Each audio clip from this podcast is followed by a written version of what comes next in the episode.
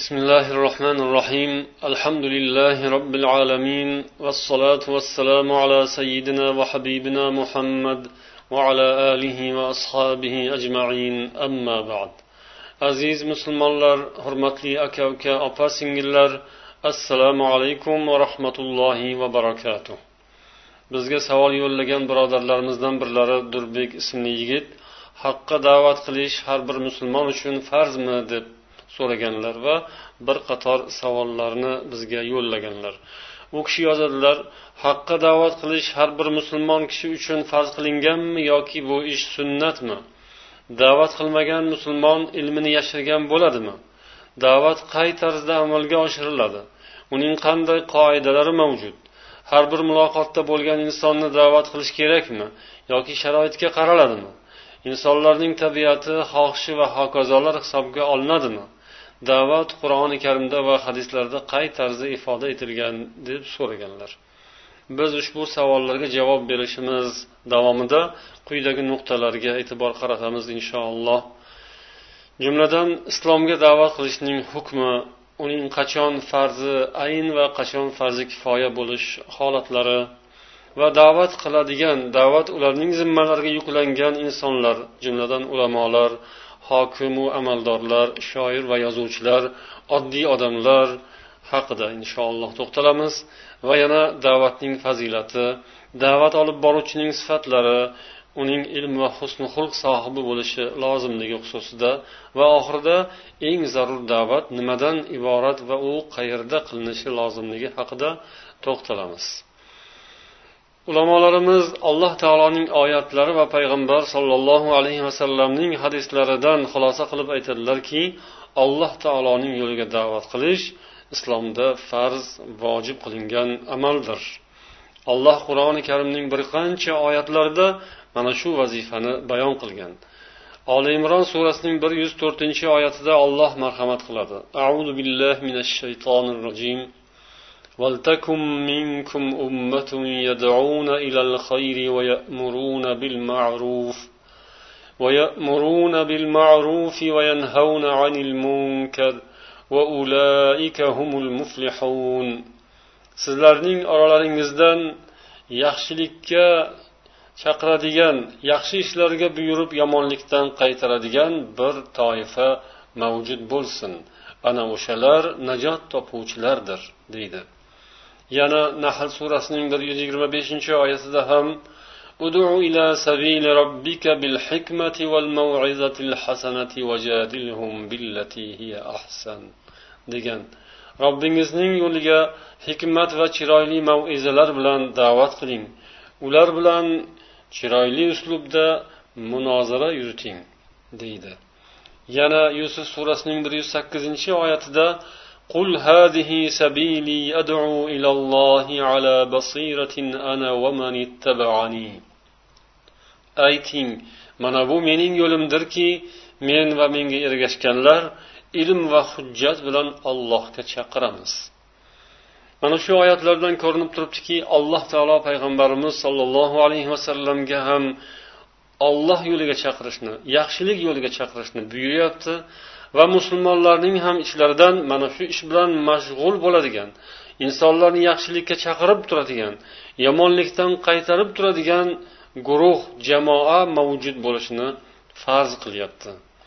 Yana yusuf surasining bir yuz sakkizinchi oyatidagi ma'nolardan shu narsani xulosa qilamizki alloh taolo payg'ambarimiz sollallohu alayhi vasallamga ergashganlar olloh yo'liga da'vat qiluvchilar ekanliklarini ham bayon qilgan. Va ular ahlul basoir ekanliklari ya'ni ilm sohiblari va hujjat dalil bilan ish ko'radigan so'z aytadigan da'vat qiladigan insonlar ekanliklarini olloh bayon qilyapti. Demak o'zini musulmon deb bilgan allohning rasuli muhammad sollallohu alayhi vasallamga ergashgan insonlar u kishining yo'llariga boshqalarni da'vat qiladilar لقد كان لكم في رسول الله أسوة حسنة لمن كان يرجو الله واليوم الآخر وذكر الله كثيرا olloh va oxirat kunidan umidvor bo'lgan insonlar uchun allohni ko'p zikr qiladigan insonlar uchun rasulullohda go'zal namuna ibrat bordir degan Agar biz olloh va oxiratdan umidimiz bo'lsa ollohni eslasak oxiratdan qo'rqsak biz rasululloh sollallohu alayhi vasallamga nazar solamiz u kishining ishlaridan ibrat olamiz u zot amalga oshirgan ishlarini davom ettiramiz. Ana shunga ko'ra har bir musulmonning zimmasida yaxshilikka chaqirish yomonlikdan qaytarish uning toqatiga imkoniyatiga yarasha farz bo'ladi. Farzlar farzi ayn farzi kifoyaga bo'linadi. Farzi ayn deganimiz har bir insonning zimmasiga aynan farz.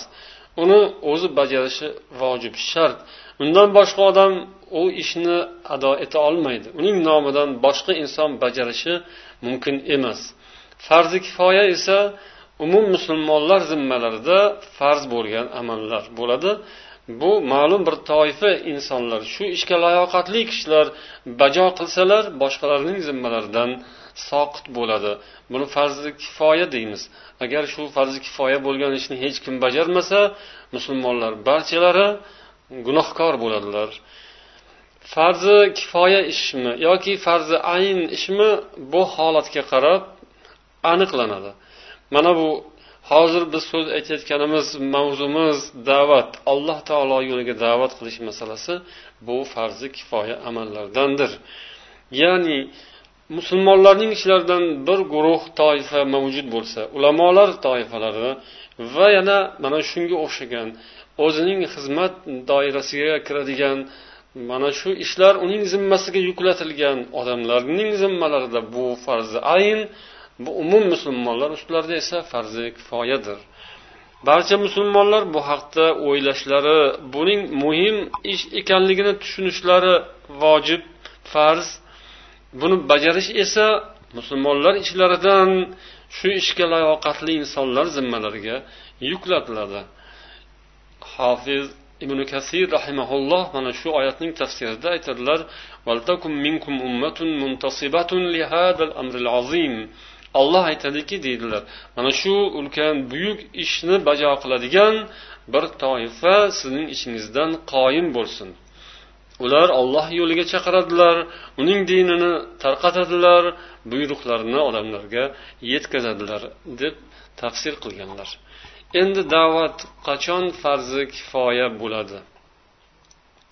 Har bir mamlakatda yoki shaharda har bir mintaqada o'zining ulamolari o'zining mas'ul shaxslari bo'ladi. Ana o'shalar mavjud bo'lsalar ularning zimmalarida farzi kifoya bo'ladi.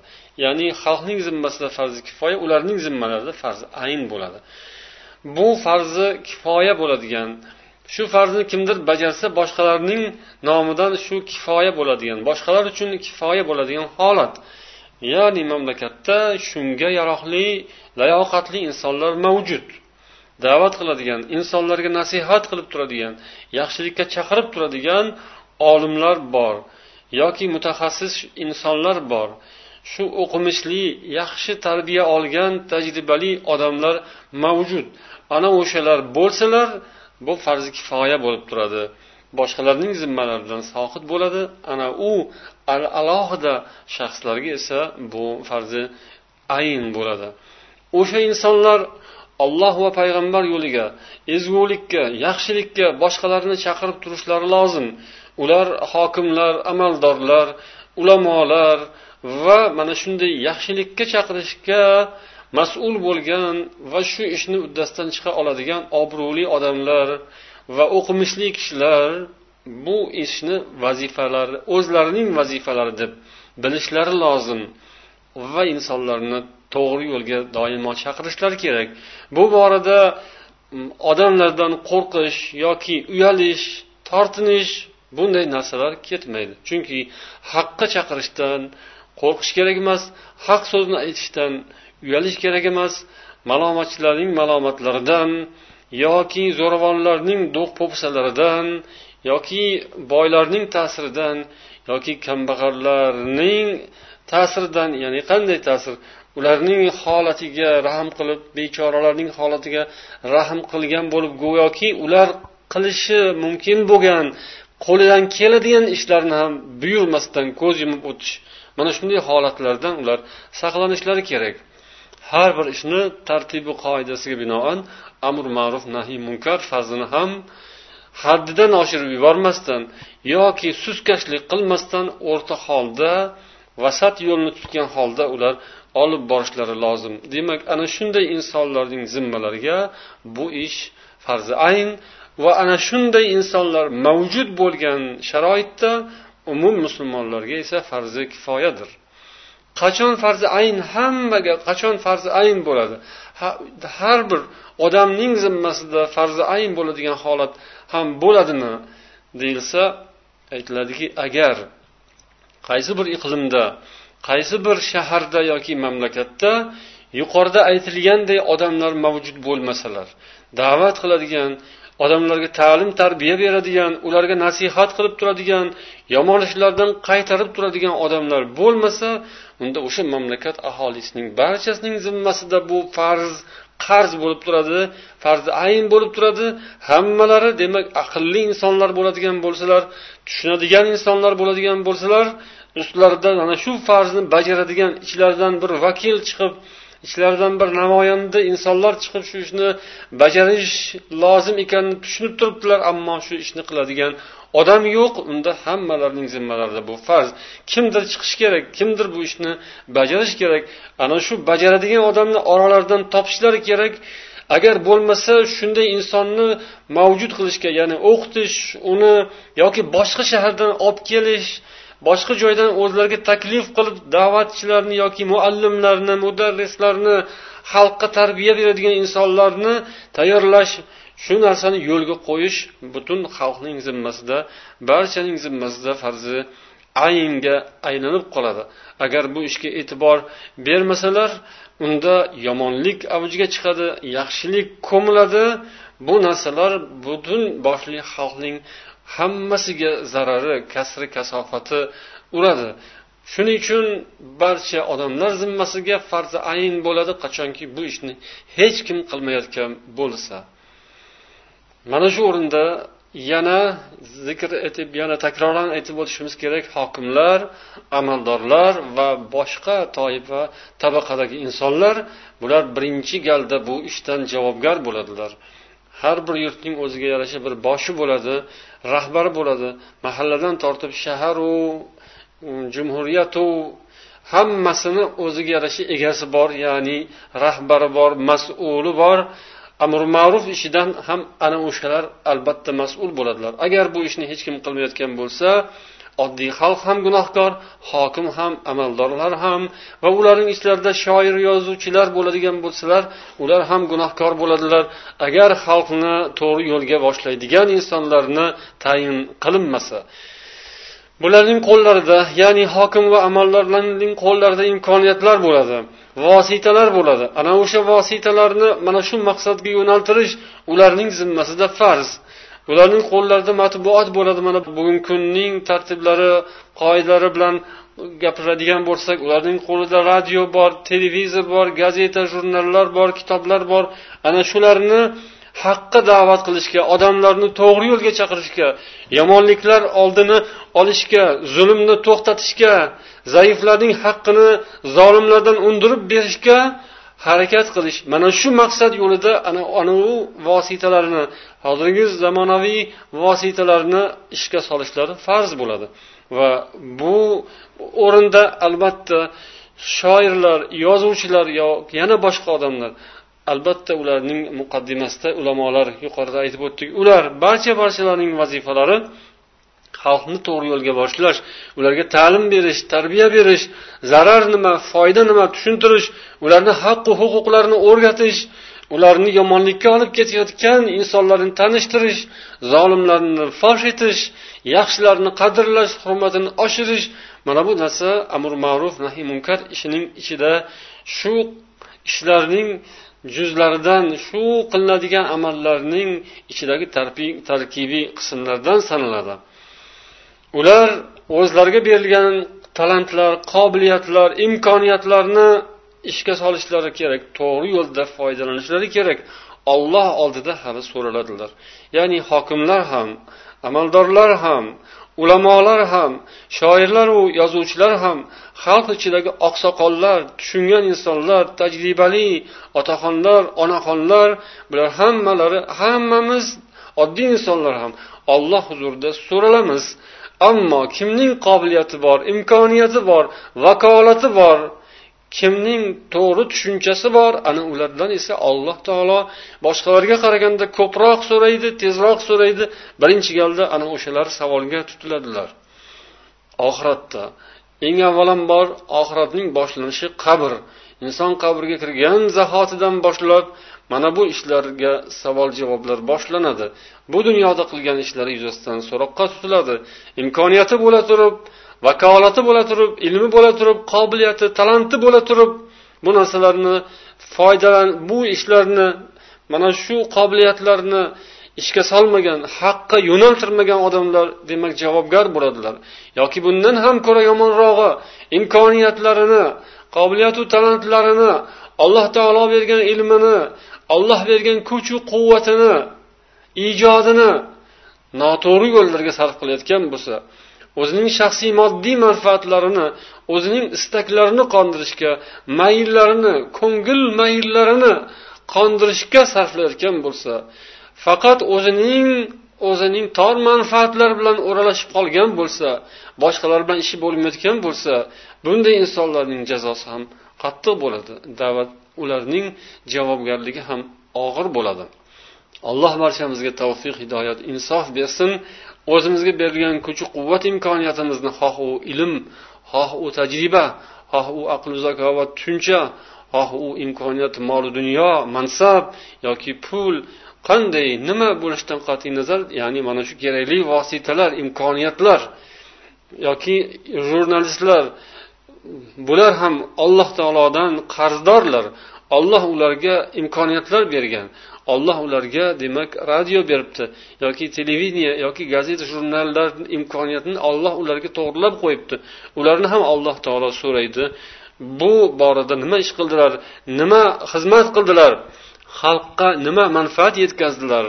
olloh va rasulning yo'lida ular nima ish qila oldilar mana shunday imkoniyatlar bilan bu haqda demak barcha insonlar so'raladilar barcha inson o'zining holatiga yarasha so'roqqa tutiladi endi da'vat fazilati haqida to'xtalaylik alloh taolo qur'oni karimda aytadi auzu billahi minash shaytonir rojim ومن أحسن قولا ممن دعا إلى الله وعمل صالحا وقال إنني وقال إنني من المسلمين allohga chaqirgan va solih amallar qilgan men albatta musulmonlardanman deb aytgan insondan ham ko'ra go'zalroq so'zlovchi kim bor deydi alloh taolo o'zining yo'liga chaqiradigan va shu bilan bir qatorda o'zi solih amallar qiladigan musulmon ekanligi bilan faxrlanadigan insonlarni eng go'zal so'z aytuvchi uning so'zidan ham ko'ra chiroyliroq so'z bo'lmagan bir inson sifatida olloh maqtagan olloh bunday insonlarni ulug'lagan. Ana u insonlar demak olloh yo'liga chaqirish bilan bir qatorda o'zlari shunga loyiq bo'ladilar solih amallar qiladilar. O'zlari chaqirayotgan ishni o'zlari hammadan ko'ra tezroq va ko'proq qiladilar. O'zlari qaytarayotgan ishdan hammadan ko'ra uzoqroq bo'ladilar va bu borada boshqalarga ibrat bo'ladilar ular islom bilan faxrlanadilar o'zlarini musulmon ekanliklarini ochiq oydin aytib shu bilan xursand bo'ladilar قل بفضل الله وبرحمته فبذلك فليفرحوا هو خير مما يجمعون mana bu oyatda alloh taolo allohning marhamati fazlu karami rahmati bilan mana shunday ulug' yo'lga musharraf qilib qo'yganlik mana shunday sharaf bilan xursand bo'lishga chaqiradi. Mo'min odam musulmon odam dunyoning barcha boyliklari jam bo'lgan uni odamlar jamlab yotgan bo'lsa ham undan ko'ra o'zining yo'li mo'minligi musulmonligi eng yaxshi boylik ekanini tushunadi va bunga xursand bo'ladi. Mana shundan xursand bo'ladi. Va mana shunday xursandlik bilan ana shunday surur bilan faxr bilan u amal qiladi va da'vat qiladi. Ana o'shanday insonning ishlaridan inshaalloh barakotlar hosil bo'ladi. Payg'ambarimiz sollallohu alayhi vasallam man ala falahu mislu ajri dedilar. Kimki bir yaxshi ishga chaqirsa unga o'sha ishni amalga oshirganning savobi kamaytirilmasdan ato qilinadi dedilar muslim rivoyat qilgan hadisda. Demak biz kim bo'lishimizdan qat'iy nazar hokimmi olimmi shoir yozuvchimi jurnalistmi agar odamlarni haq yo'lga chaqirsak insonlar bizning so'zimiz ta'sirida solih amallar qilishga o'tsalar bitta odam bo'lsa ham agar solih ish yaxshi ish savobli ishni bizning so'zimiz tufayli bajargan bo'lsa o'sha amalning savobi o'sha inson qilgan amalning savobi albatta bizga ham yoziladi. Albatta sizga ham yoziladi. Agar siz shunga muyassar bo'lsangiz chin dilingizdan insonlarni haqqa to'g'rilikka chaqira olsangiz yana rasululloh sollallohu alayhi vasallam aytadilar man daa ila hudan kana lahu min al ajri misla ujuri man tabi'ahu la la yunqasu zalika min ujurihim shay'a. Kimki bir yaxshilikka chaqirsa hidoyatga chaqirsa o'sha hidoyatga ergashganlarning savoblari hech kamaytirilmasdan u insonga yoziladi. ومن دعا إلى ضلالة كان عليه من الإثم مثل آثام من تبعه لا ينقص ذلك من آثامهم شيئا أخرجه مسلم kimki zalolatga noto'g'ri yo'lga chaqirsa noto'g'ri yo'lga yurganlar ergashganlarning gunohi gunohlari hech bir kamaytirilmasdan o'sha insonning zimmasiga yoziladi deydilar imom muslim rivoyat qilgan hadislarda endi yuqorida zikri o'tgan insonlar o'sha tabaqa odamlar hokimlar yoki podshohlar ulamolar amaldorlar shoirlar yozuvchilar jurnalistlar yoki oddiy odamlar yoki so'zamol odamlar ular chaqirayotgan yo'l qanday yo'l? Odamlar o'sha yo'lga yurib ularning yo'llari ular chaqirgan yo'lga yurib gunohga botyaptilarmi yoki savob olyaptilarmi? Xuddi ana shu narsa chaqirgan odamlarga hech bir kamaytirilmasdan yoziladi. Ba'zan inson o'zi qilmagan ishni qilolmaganiga uzrni aytib afsuslar chekib yaxshi ishlarni odamlarga taklif qiladi o'sha qilgan odamlarning savobidan hech kamaytirmasdan nasiba oladi. Yana kimlardir bo'ladi o'zi qo'lini jinoyatga urmasdan o'zi chetga chiqib chetga o'tib olib turib odamlarni yomon ishga chaqiradi yomonlikka gijgijlaydi o'zi parda orqasiga bekinib olib turib maxfiy holatda insonlarning o'rtasiga fitna solib boshqalarning tili bilan boshqalarning qo'li bilan boshqalarning qalami bilan qilishga urinadi. U ham u ham qochib qutula olmaydi azobi uqubatdan jahannamdan yoki shu dunyodagi beriladigan jazodan. Alloh taolo o'sha o'zining qo'lini tiqasmasdan o'zi aralashmasdan faqat reja bilan reja tuzib berib yo maslahat berib yoki bir fitna so'zni aytib qo'yib chetdan turib tomosha qiladiganlarni alloh taolo tinch qo'ymaydi. Ular xotirjam bo'lmasinlar. Ularga ham alloh taolo avvalo fitnaga aralashgan yomon ishlarni qilganlarning gunohini hammasining gunohini yuklaydi va azobi ham o'shanga yarasha bo'ladi. Alloh taolo panoh bersin yaxshilikka da'vat qilishni alloh barchamizga nasib aylasin. Endi da'vat olib boruvchini yaxshi yo'lga yaxshi ishlarga chaqiruvchi insonning sifatlari haqida to'xtalamiz. Eng avvalo inson bir ishga taklif qilmoqchi bo'lsa boshqani shu narsani nima ekanini bilish kerak. Nima yo'lga chaqirayotganini qaysi ishni odamlarga taklif qilayotganini o'zi yaxshi anglab yetishi lozim. Yusuf surasida o'tdiki qul hadihi sabili ad'u ilallohi ala basiratin ana va man ittaba'ani. Ayting mana bu mening yo'limdirki men va menga ergashganlar ilm va hujjat bilan ollohga chaqiramiz. Demak olloh yo'liga chaqirayotgan odam boshqa bir yaxshi ishga olloh yo'lidagi bir yaxshi ishga chaqirayotgan odam savobli amallarga xayrli amallarga chaqirayotgan inson albatta o'zi chaqirayotgan ishni da'vat qilayotgan yo'lni yaxshi anglab yetishi kerak bilishi kerak. Ilm bilan ya'ni ala basiratin dedilar ilm bilan hujjat bilan dalil bilan chaqirishi lozim. O'zi ishonib ishonmagan o'zi shubhaga tushgan narsaga chaqirish mumkin emas. Yoki ilmsiz holatda da'vat qilish bilib bilmasdan so'zlash bu ham zarar keltiradi. Ilm bo'lishi lozim tushuncha bo'lishi lozim. Chaqirayotgan odam albatta shunga o'zini tayyorlashi kerak. Agar tayyor bo'lmasa ilmi kam bo'lsa ilm olishi kerak ilmni oshirib borishi kerak va bu yo'ldagi mana shu yo'lda zarurat bo'ladigan zarurati tug'iladigan asboblarni yoki vositalarni ya'ni bu deganda qaysi bir chora tadbirlarda qaysi narsa kerak bo'lsa o'shani egallashga harakat qilish kerak. U egallanadigan narsa albatta eng avvalo ilm tajriba o'rganish o'qib o'rganish boshqalardan shu sohadagi tajribali odamlardan ilmli insonlardan o'rganish bilan bo'ladi. Bu da'vat olib boruvchi insondan talab qilinadigan muhim narsa. Lekin ilm ham nisbiy tushuncha ekanini esdan chiqarmasligimiz kerak. Ya'ni e, demak bu haqni gapirish uchun to'g'ri yo'lga chaqirish uchun yoki bir yomon ishni qilayotgan odamni ko'rsangiz uni yomonlikdan qaytarish uchun albatta endi olim bo'lishingiz kerak ekan ilmli bo'lishingiz kerak ekan deb bizda unaqa ilm yo'qku degan so'z eshitiladi. Shu o'rinda aytilishi lozimki ilm bu nisbiy tushuncha. Agar bir yerda bir necha ilmli odamlar bo'lsalar talabalar bo'lsalar o'shalar ichidan shu ishga loyiq odam ustozlari bo'ladi yoki olimlar ichida ham olimroqlari bo'ladi. O'sha insonlardan lozim ularning vazifasi. Ular turganda boshqa odamlar ba'zidan shu ishga kirishib ketsa beodoblik bo'lishi mumkin yoki tartib buzilishi mumkindir. Bir joyda o'sha mavjud insonlarning ichidan shu ishga loyiq odam bajaradi da'vat ishini. Yoki odamlar bor olimlar bor ilmlari yetarli ammo qaysidir bir insonda so'zlash qobiliyati bor yoki yana kimdadir mansabi bor ham ilmli ham mansabdor. Uning vazifasi birinchi o'rinda o'sha mansabdor vazifador mas'ul shaxs.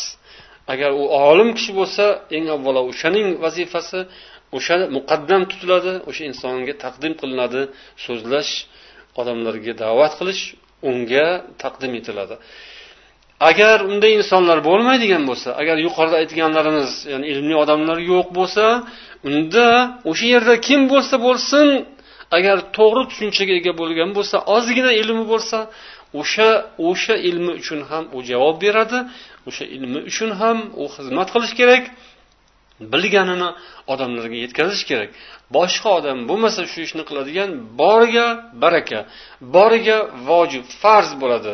Kuchi yetganicha toqati yetganicha da'vat qilib odamlarni yaxshilikka chaqiradi. Mani ilmim yo'q deb harom ishlar bo'layotganda ham beparvo o'ltirmaydi. Harom ishlar masalan ichkilik yoki harom ovqatlar yoki fahsh fujur bunday narsalar bu barcha insonlarga ma'lum bo'lgan barcha odamlar buni olimu omilar biladigan aniq narsalar. Shunday ma'lum sanoqli ishlar borki uning haromligi hammaga ma'lum. Hatto islomdan tashqaridagilar ham biladiki musulmonlar to'ng'iz go'shtini yemaydi musulmonlar aroq ichmaydi musulmonlar fahish yoki sharmu hayosiz narsalardan uzoq bo'ladi. Buni hamma biladi. Bu ma'lumun bid deyiladi. Dinda o'z o'zidan ma'lum bo'lgan uni bilmaslik mumkin bo'lmagan ishlar. Ana shunday harom ishlar sodir bo'layotgan o'rinda ko'rib mani ilmim yo'q deb o'tirishga uni qo'ldan kelgancha nasihat bilan qaytarmasdan jim o'tirishga hech kimning haqqi yo'q. Yo esa yana ma'lumun bor islomda hamma biladigan hatto islomdan tashqaridagilar ham ko'p biladigan ishlar bor. Mana ramazon kelsa dindan tashqaridagilar ham ha ramazon kelyapti musulmonlar ro'za tutadi bilishadi. Masjid namoz o'qiydi musulmonlar ibodat qiladi. Namoz ro'za zakot haj mana shunga o'xshash ishlar borki ma'lumun o'z o'zidan ma'lum. Buni demak bilmaslik mumkin emas yoki ehtimoldan nihoyatda uzoq. Ana shunday aniq narsalar bor farz amallar. Ilm o'qish farz. Mana bu narsaga da'vat qilish uchun rosa ko'p ilm talab qilinmaydi. Har bir inson o'zining ilmiga tushunchasiga yarasha bu vazifani bajo qiladi. Bu o'rinda biz hozir ilm va hikmat sohibi bo'lish da'vat olib boruvchining sifatlaridan biri ilm va hikmat sohibi bo'lish haqida gapiryapmiz. Ilm haqida biza so'zladik. Endi hikmat haqida ham to'xtatishimiz kerak. Alloh taolo robbingizning yo'liga hikmat va chiroyli maizalar bilan chaqiring degan. Hikmat bo'lishi lozim. Hikmat buning sharhi. Ko'pgina sharhlari bor. Hikmat degani nima degani? Qur'on va hadisda kelgan ma'nolar bular hikmatdir deyishgan ulamolar. Yana hikmatning sharhida har bir ishni va so'zni joyini o'rnini topib ado etish bu hikmat deyishgan. Da'vat qiladigan odam ham da'vatini o'rnini joyini bilib da'vat qilishi lozim bu hikmatdan. Ba'zan ba'zi ishlar bo'ladiki uni o'sha o'rinda gapirish lozim kechiktirsa bo'lmaydi. U hikmat o'shandan iborat. Ba'zi bir ishlar bo'ladiki o'sha onda gapirish yoki shu ishni qilish o'rinsiz bo'ladi. Sabr qilish kerak bo'ladi. Bu hikmat. Ammo bu narsa hammada har xil bo'ladi. Hammaning aqli zakovati yoki fahmu farosati ilmu ma'rifati barobar emas. Hikmat insonning ilmiga aqlu zakovatiga farosatiga yarasha bo'ladi. Insonda ilm bo'lishi mumkin hikmat bo'lmasligi ham mumkin. Ba'zilar olim bo'lib hakim bo'la olmasligi. Ba'zilarda esa ilm kamroq bo'lsa ham lekin hikmati ko'proq bo'lishi bu hayotda uchraydigan narsa. Da'vatchi insonda albatta hikmat bo'lishi zarur. Hikmat sohibi bo'lishga harakat qilishi ya'ni narsalarning nozik tomonlarini ham ilg'ashga urinish kerak o'qib o'rganish kerak boshqalarga razm solish kerak ishlarni nozik jihatlarini ko'zga ilg'amaydigan tomonlarini ham da'vat qilayotgan odam nasihat qilayotgan odam ilg'ashi kerak. Mana hozirgilarni tilida psixolog bo'lish kerak deb qo'yishadi. Ya'ni da'vat qilinayotgan odamning holatiga. Uning kayfiyatiga ahamiyat berish kerak. Bir kayfiyati tushkun holatda xafa bo'lib turgan holatda turgan bo'lsa siz uni boshqa bir jihatdan kelib da'vat qilishingiz o'rinsiz bo'ladi. Uning xafaligini ketkazishga yordam qilishingiz kerak. U xafa bo'lib turgan bo'lsa bir narsadan ko'ngli xijil bo'lib turgan bo'lsa siz unga da'vat qilishingiz qaysi uslubda bo'ladi? Uni ko'nglini ko'tarish undan xafaligini aritish bu sizning unga qilgan da'vatingiz bo'ladi. Shu bilan ham siz uni ollohga da'vat qilgan bo'lasiz. Xafa bo'lib turgan bo'lsa nima uchun xafa bo'layotganini bilishga urinib unga yordam berishga uning hojatini bitirishga uning dardu g'amlarini aritishga harakat qilsangiz siz unga bir og'iz gapirmasangiz ham alloh yo'liga da'vat qilmasangiz ham go'yoki zohirdan so'z bilan ya'ni ammo amal bilan da'vat qilib qo'yishingiz mumkin. Unga yordam berib unga o'zingizni qalbingizni ochib unga yaxshilik qilsangiz shafqat ko'rsatsangiz hurmat ehtirom ko'rsatsangiz uni siz da'vat qilgan bo'lasiz. Keyin u o'zi sizga o'zi sizga qaraydi sizga ergashadi sizning gapingizga quloq soladi sizning so'zingizni qabul qiladi. Hech kimni so'zini qabul qilmay turgan bo'lishi mumkin. O'sha odam jahl g'azab ustida siz o'zingizni hikmatingiz bilan chiroyli xulqingiz bilan uni o'zingizga rom eting o'zingizning so'zingizni qabul qiladigan bo'lishga siz o'zingiz harakat qiling. Buning uchun da'vatchi odam yoki nasihatchi odam hikmatli bo'lishi kerak va xulqi chiroyli bo'lishi kerak. Demak mana shu so'zimizdan ulanib keladi. Da'vat qiluvchi insondan talab qilinadigan narsalardan ilm hikmat bilan bir qatorda chiroyli xulqdir. Inson har bir inson u xoh da'vatchi bo'lsin xoh oddiy musulmon bo'lsin yaxshi xulq sohibi bo'lishga buyurilgan. Chunki bizning payg'ambarimiz ana shunday chiroyli xulqli inson bo'lganlar. Biz o'sha zotning ummatlari ekanmiz bizda go'zal xulq chiroyli axloq yaxshi odob mavjud bo'lishi lozim. Bu uyda ham ko'chada ham da'vatda ham ish ustida ham kerak zarur biz shunga ehtiyojimiz ko'p biz muhtojmiz chiroyli xulqli bo'lishga muhtojmiz. Endi da'vat qilayotgan bo'lsangiz boshqalarga siz to'g'ri yo'lni ko'rsatmoqchi bo'lib turgan odam bo'lsangizu sizning xulqingiz chiroyli bo'lmasa siz qo'pol bo'lsangiz siz badjahl bo'lsangiz yuragingiz tor bo'lsa badxulq bo'lsangiz unda sizning so'zingiz qayerga boradi? Sizga kim quloq soladi? Sizni gapirayotgan gapingizni ko'rib huquqingizni solishtiradi. Keyin ba'zilar achinadi sizga. Ba'zi bir betga choparrog'i chiqib qolsa shartta gapiradi so'zingizni rad etadi. Olloh asrasin.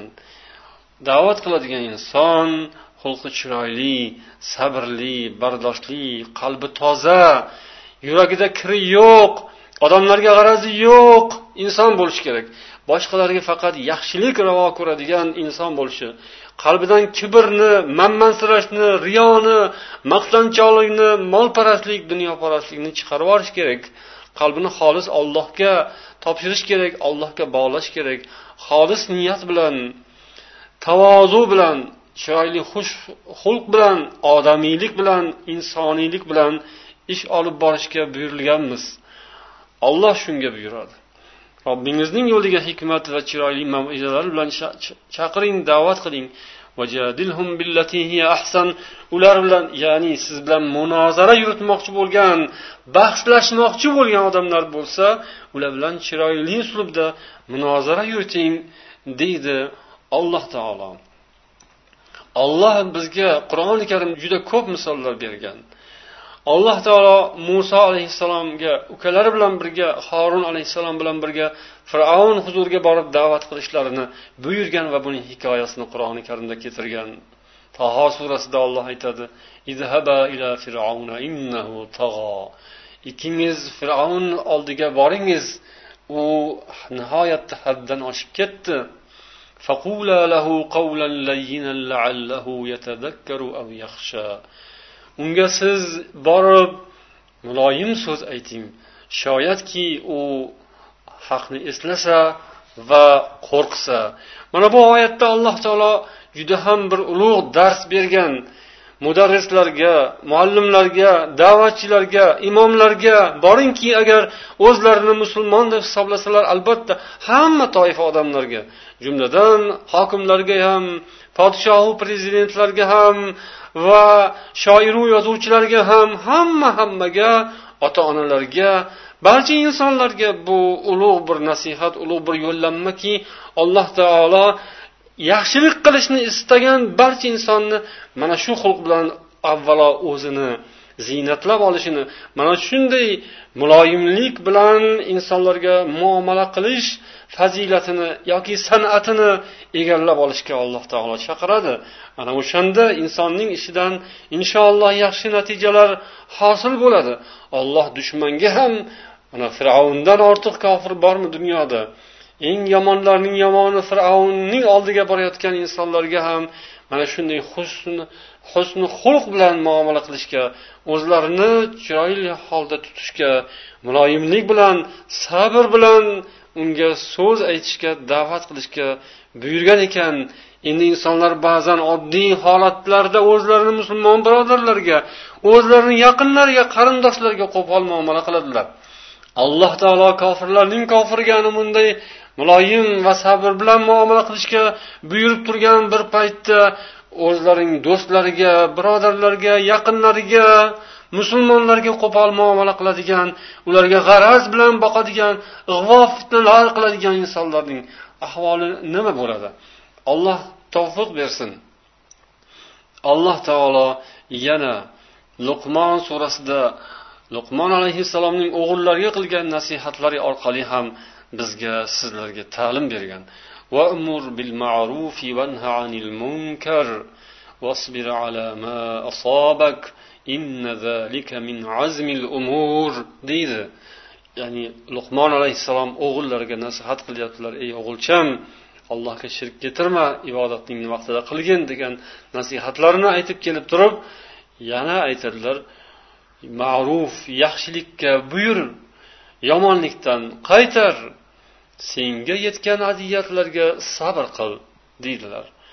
علم أن الآمر بالمعروف والناهي عن المنكر لا بد أن يناله من الناس أذى فأمره بالصبر deb sharhlaydilar ibn kasir rahimaulloh ya'ni lug'mon alayhissalom o'g'illariga nasihat qilar ekanlar yaxshilikka buyurib yomonlikdan qaytargan insonga albatta odamlardan aziyat ozorlar yetishini bildilar bilardilar shuning uchun sabrga buyurdilar demak siz insonlarga yaxshilik qilmoqchi bo'lsangiz bilingki sizga yomonlik bilan javob qaytaradiganlar albatta chiqadi.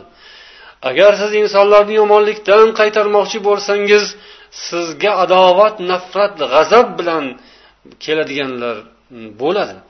Buni ehtimolini hech qachon soqit qilmang tayyor bo'ling. Ulardan olloh xohlasa yetadi zarar olloh xohlamasa yetmaydi olloh xohlab ulardan zarar kelsa achchiq qilmang sabr qiling odamlardan ko'rmang. Alloh taolodan savob umid qiling. Mana shu demak sabrli xulqli da'vatchining sifati. Nafaqat da'vatchi. Ba'zi insonlar ha endi biz tablig'chi emasmiz da'vatchi emasmiz. Biz endi odamlarni da'vat qilib yuradigan domla imom emasmiz yoki ulamo emasmiz. Deyishlari mumkin. Ammo bu so'z barcha musulmonlarga tegishli. Musulmonmisiz? Imom bo'lmasangiz bo'lmassiz. Siz balki mudarris emasdirsiz ammo musulmonsizku. Musulmonning zimmasida eng zarur da'vatlar bor. Musulmonning zimmasida vazifalar bor. O'zining oilasiga yaqin atrofidagilarga uning zimmasida qarz bor. Mana shu o'rinda biz eng zarur da'vat haqida gapiramiz alloh taolo oila va farzandlarini tarbiya qilishga ularni haq yo'lga chaqirishga buyuradi olloh aytadi يا أيها الذين آمنوا قوا أنفسكم وأهليكم نارا وقودها الناس والحجارة عليها ملائكة غلاظ شداد لا يعصون الله ما أمرهم ويفعلون ما يؤمرون Tahrim surasining oltinchi oyatida ey iymon keltirgan insonlar o'z jonlaringizni va ahli oilangizni olovdan saqlangiz jahannamdan saqlangiz. Uning yonilg'isi odamlar va tosh bo'lgan toshlar bo'lgan jahannamdan saqlangiz. Uning ustida shiddatli qattiqqo'l maloikalar turadilar. Ular alloh taolo buyurgan ishdan hech qachon sustkashlik qilmaydilar. Olloh buyurganini bajo qilib o'zlarining vazifalarini ado qiladigan farishtalar turgan va yoqilg'isi hali aytilgandek odamlar va toshlar bilan to'ldirilgan jahannamdan saqlaningiz deb alloh taolo buyurgan. Har bir inson o'z oilasidan javobgar o'z oilasini jahannam o'tidan saqlash uchun mas'ul. Payg'ambar sollallohu alayhi vasallam buxoriy rivoyat qilgan hadislarida kullukum roin va kullukum mas'ulun an raiyati dedilar har biringiz qo'ychivon kabidirsiz va har biringiz qo'l ostingizdagilardan mas'uldirsiz fal amiru roin va huwa mas'ul amir ham qo'l qo'ychivon kabi qo'l ostidagilardan mas'uldir. Va rajulu roin va huwa mas'ul erkak kishi ham qo'ychivon kabi mas'uldir.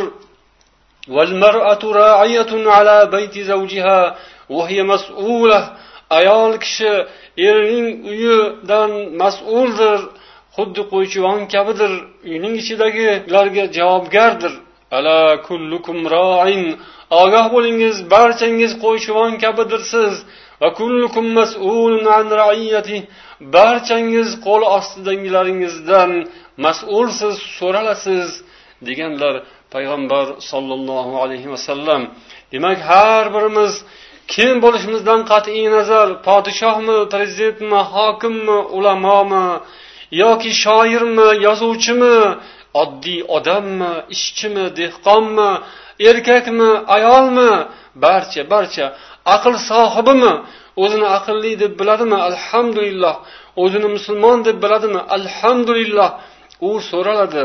Javobgar qo'l ostidagilardan demak oila a'zolari farzand zurriyotlarini yaxshi insonlar bo'lib yetishishlarini orzu qilishimiz shu borada tashvish chekishimiz mehnat mashaqqat qilar mehnatu mashaqqatlarga sabr qilishimiz va shu yo'lda zahmat chekishimiz lozim mehnat qilishimiz lozim.